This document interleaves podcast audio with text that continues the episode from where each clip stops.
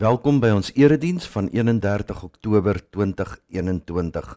Kom ons word stil voor die Here. Dit is die Here wat sy gemeente opbou, wat mense van oral oor bymekaar bring. Prys die Here.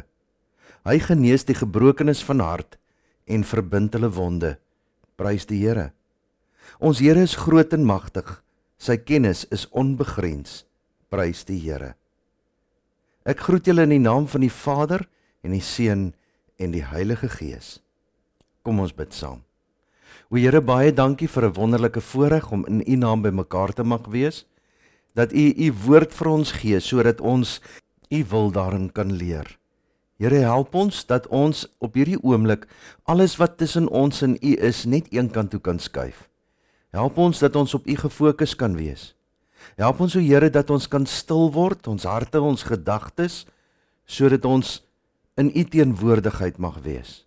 Here, ons weet ons skiet so ver te kort en daarom vra ons Here, help ons dat ons onsself sal oorgee as lewende en heilige offers wat vir U aanneemlik is. Want dan sal ons kan onderskei wat vir U goed en aanneemlik en volmaak is. En daarom vra ons Here, maak U woord vir ons oop dat die Heilige Gees deur u woord ons lewens kan aanraak en dat ons so meer en meer kan word wat u ons beplan het om te wees. Amen. Ons lees saam met Psalm 78 van vers 1 af. Luister na wat ek jou leer my volk. Luister aandagtig na wat ek sê. Ek gaan 'n gedig voordra. Ek gaan julle inlei in geheimenisse uit die verre verlede wat ons gehoor het en wat ons weet, wat ons voorvaders ons vertel het, sal ons vir ons kinders nie verswyg nie.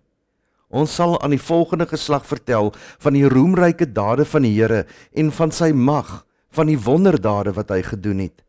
Hy het aan Jakob sy voorskrifte gegee, aan Israel sy onderwysing. Hy het ons voorvaders beveel om dit aan hulle kinders bekend te maak, sodat die volgende geslag dit kan weet en die kinders wat nog gebore sal word dit weer aan hulle kinders kan vertel. So sal hulle dan op God vertrou en nie vergeet wat hy gedoen het nie, maar gehoorsaam wees aan wat hy beveel het en nie wees soos die voorvaders nie.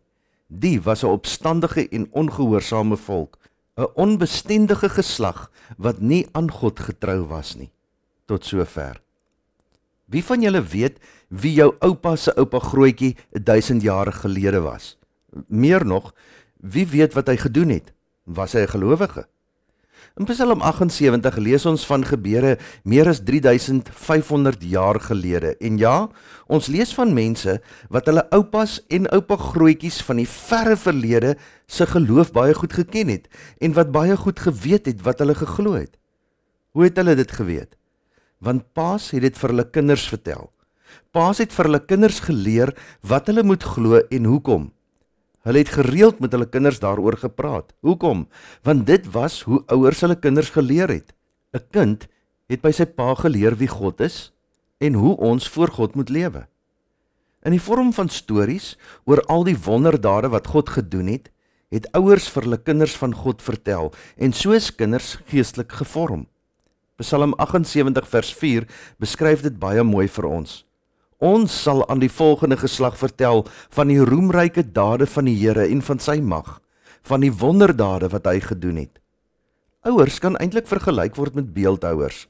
Ons kinders word wat ons vir hulle voorleef. Hulle naap ons in wat ons sê en doen. Hoe jy as man oor en met vrouens praat, is hoe jou seun eendag oor en met vrouens gaan praat. Hoe jy as mamma jou man aanspreek of hanteer, is hoe jou dogter eendag met haar man sal doen. En hoe jy as ouer vir God in jou gesin plek maak, insluit of uitsluit, is hoe jou kind dit ook sal doen. Ouers moet in hulle kinders die beeld van God help groei. Wat help dit dat jy sorg dat jou kinders eendag alles in die lewe het behalwe 'n verhouding met die lewende God? Soos Jesus Christus sy disippels geleer het, so is ouers die leermeesters vir hulle kinders. En daarom het ouers die verantwoordelikheid om vir hulle kinders die Bybel te lees, saam met hulle te bid, vir hulle goeie voorbeeld te wees. Doen wat ek doen en nie doen wat ek sê nie.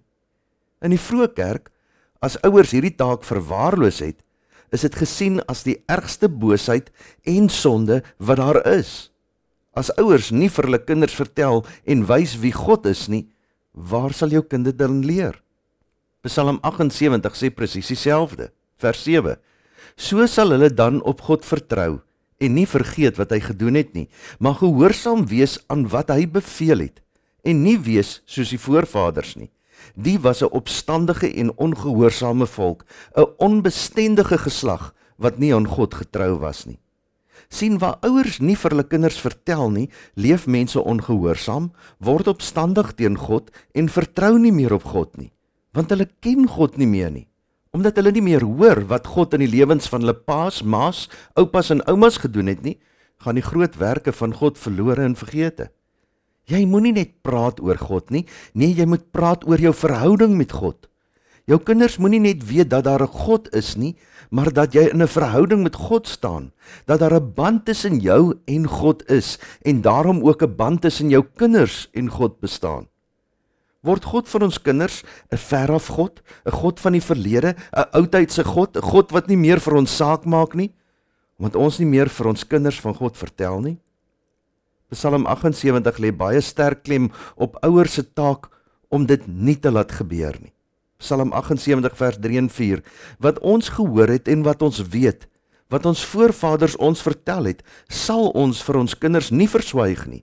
Ons sal aan die volgende geslag vertel van die roemryke dade van die Here en van sy mag van die wonderdade wat hy gedoen het.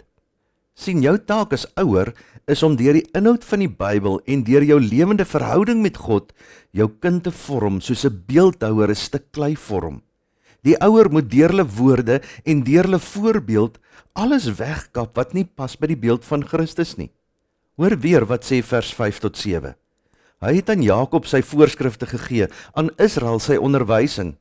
Hy het ons voorvaders beveel om dit aan hulle kinders bekend te maak, sodat die volgende geslag dit kan weet en die kinders wat nog gebore sal word, dit weer aan hulle kinders kan vertel. So sal hulle dan op God vertrou en nie vergeet wat hy gedoen het nie, maar gehoorsaam wees aan wat hy beveel het. Kinders is die vensters van 'n gesin. Of ons dit nou wil weet of nie, 'n mens kan baie weet van enige gesin deur net na hulle kinders te kyk. Jy kan wegsteek wat in jou huis aangaan, maar jou kinders se lewens is die vensters van wat daar binne aangaan. Ons sien dit elke dag. Kinders is tog maar die produk van hulle opvoeding. Daarom kan deur die eeue die belang van ouerskap binne en buite die kerk weer en weer net beklemtoon wees. In die reformatie byvoorbeeld is die taak van ouerskap gesien as belangriker as die taak van die predikant en ek stem absoluut daarmee saam. Hoe lyk dinge vandag met ons? Kan jy as pappa en mamma, dalk oupa of ouma met oorgawe sê dat jy hierdie opdrag nakom? Praat ons nog met ons kinders oor God?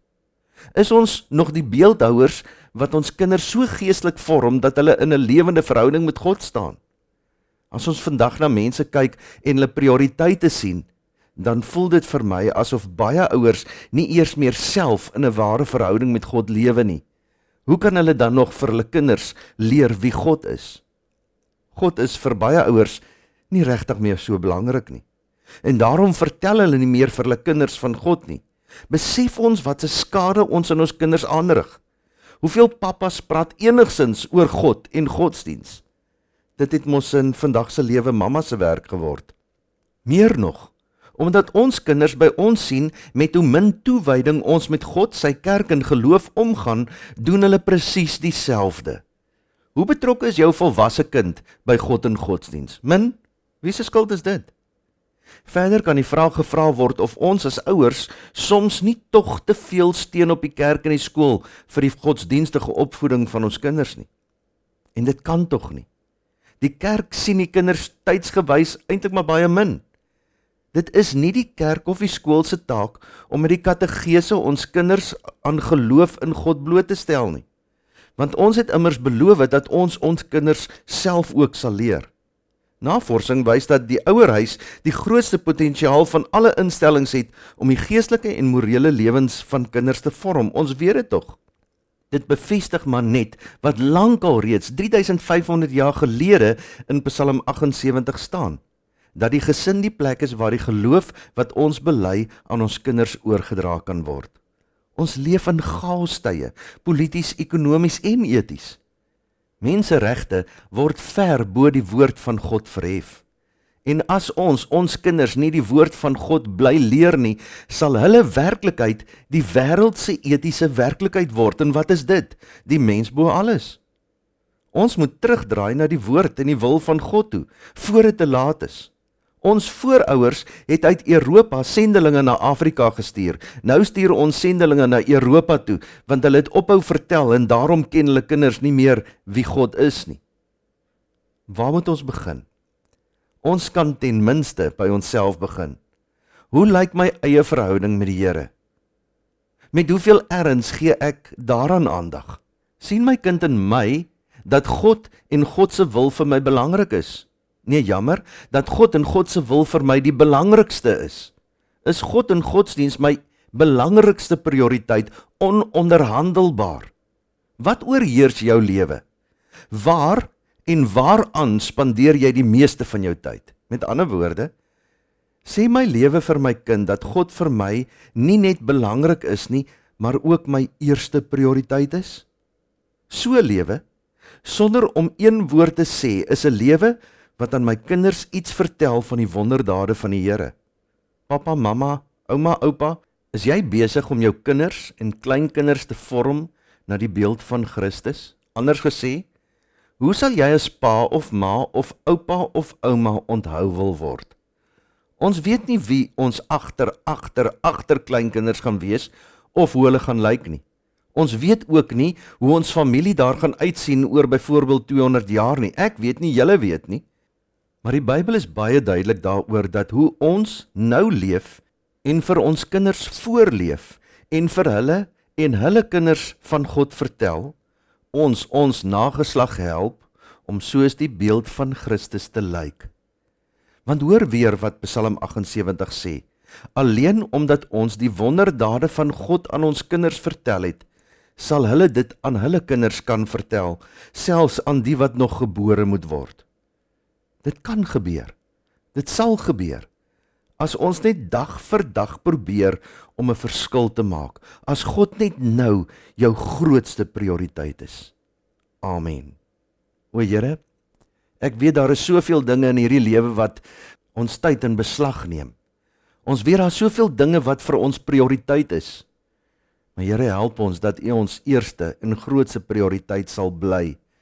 Here, help ons dat ons kinders ons groot prioriteite sal wees en dat ons deur dit wat ons sê en deur dit wat ons doen vir hulle sal leer wie U is dat ons hulle sal leer om vir U lief te wees.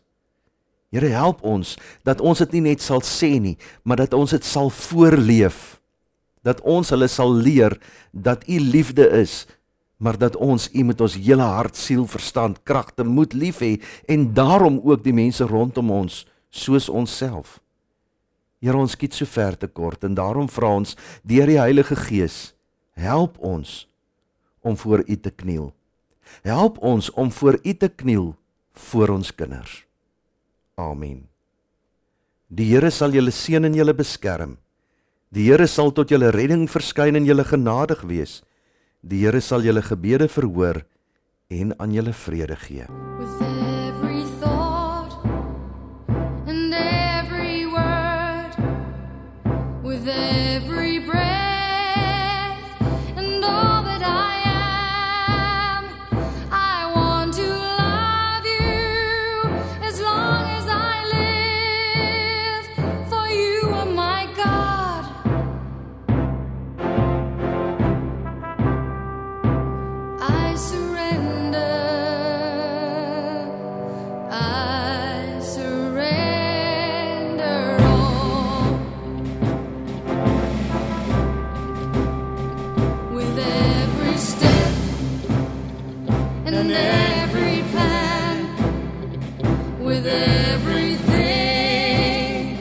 prazer.